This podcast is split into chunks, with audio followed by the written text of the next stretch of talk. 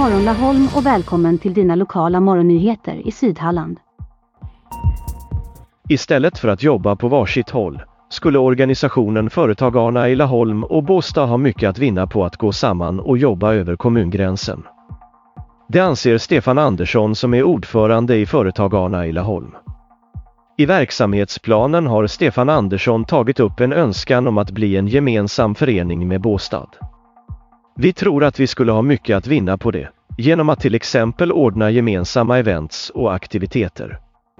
Då skulle vi vara fler som hjälps åt vid de tillfällena och vi skulle bara behöva en styrelse. Båstadföreningen har periodvis saknat en styrelse och då legat nere, men just nu är de igång igen, säger han. Svårigheten med att eventuellt slå ihop föreningarna handlar om att de tillhör två län. Företagarna har så kallade servicebolag som sköter ekonomi och administration. Där har Skåne ett eget sådant, medan vi i Halland har gått upp i det riksgemensamma servicebolaget. Personligen hade jag helst sett att vi gick med i Skåne, ju mer decentraliserade vi är desto bättre tror jag, säger Stefan Andersson. För att ett samgående ska bli aktuellt krävs också beslut på respektive årsmöte vilket hålls i början av nästa år. Två bilägare i Laholm har senaste dygnen fått saker stulna ur sina bilar. Enligt Laholmspolisen finns det dock inga tydliga tecken på inbrott i något av fallen.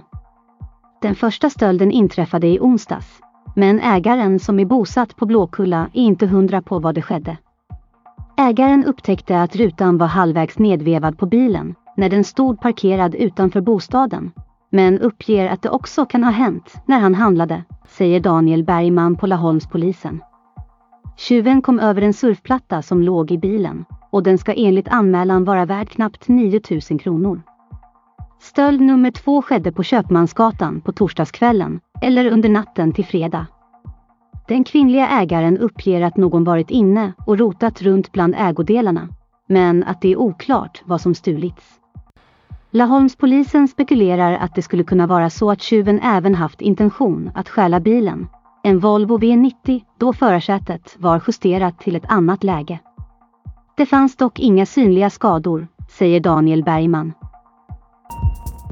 Bengt Eriksson har inte spelat en tävlingsmatch i bordtennis sedan han var 19 år gammal.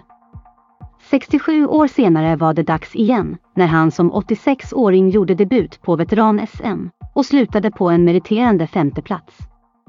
Det var roligt att göra det här en gång innan man lägger av helt och hållet, säger Bengt. Bengt spelade bordtennis som ung hemma i Västergötland, men efter det militära blev det inte mer tävlande. Istället har han under många år engagerat sig som ledare i BTK Sörve. Han kallas även Mr Sörvehallen, då det var han som var ordförande i föreningen när hallen byggdes. Det är dock inte så att Bengt är ovan med racket i hand. Han har hållit igång med pensionärspingis och har alltså tränat länge inför veteran-SM-debuten. Varför har det inte blivit av innan? Jag tycker inte att det har passat och jag har inte känt för det. Jag var lite sugen i fjol, men då var det i Karlskrona och lite för långt iväg, tyckte jag, säger Bengt. Nu ägde veteran-SM rum i Halmstad Arena. Det var mer lagom avstånd, tycker Bengt som ändå menar att det kunde vara kul att få vara med i tävlingen åtminstone en gång.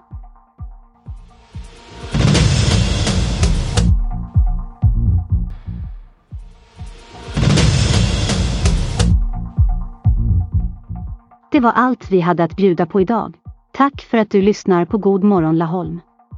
Vill du stötta den lokala journalistiken kan du göra det via laholmstidning.se lt-supporter.